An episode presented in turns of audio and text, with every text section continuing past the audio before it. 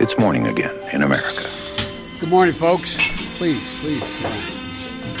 Come on, let's go. Let's go get some coffee. Thank you very much. Det er mandag 10. august. Det er 85 dager igjen til presidentvalget, og morgenkaffen fra amerikanskpolitikk.no er tilbake. Aller først, Joe Biden leder over Donald Trump i både Pennsylvania og Wisconsin, ifølge målinger fra CBS og YouGov. I Pennsylvania leder Biden 49-43, og i Wisconsin leder han 48-43.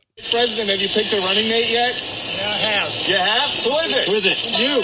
Dagens første sak. Biden velger snart VP. Joe Biden hadde opprinnelig sagt at han ville offentliggjøre sin visepresidentkandidat den første uka i august. og Det forventes nå at kunngjøringen vil komme tidlig denne uka, kanskje allerede i løpet av dagen i dag. De heteste kandidatene til posten er Kamala Harris og Susan Rice, mens Michigan-guvernør Gretchen, Big Gretch Whitmer, nevnes også fortsatt som en av favorittene, enda mer etter at det ble kjent at hun sist helg dro til Delaware for å møte Biden på tomannshånd. Dagens andre sak. I helgen så signerte Donald Trump en rekke presidentordrer, blant annet knyttet til helseforsikringer og skatt. En av ordrene kutter skatt øremerket avsetninger til Social Security for arbeidstakere som tjener mindre enn 100 000 dollar.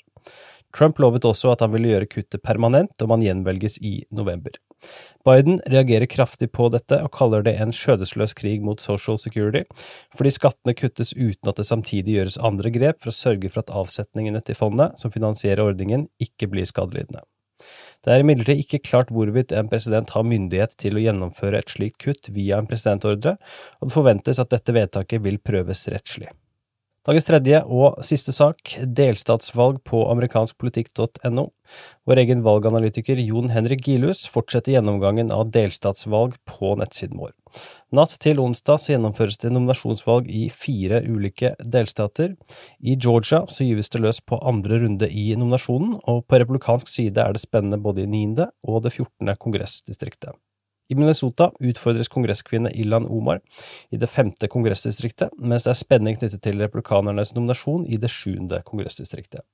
I Vermont så er det tett kamp om nominasjon til guvernør og viseguvernør, og onsdag så avgjøres det hvilken demokrat som skal utfordre den sittende guvernøren Phil Scott.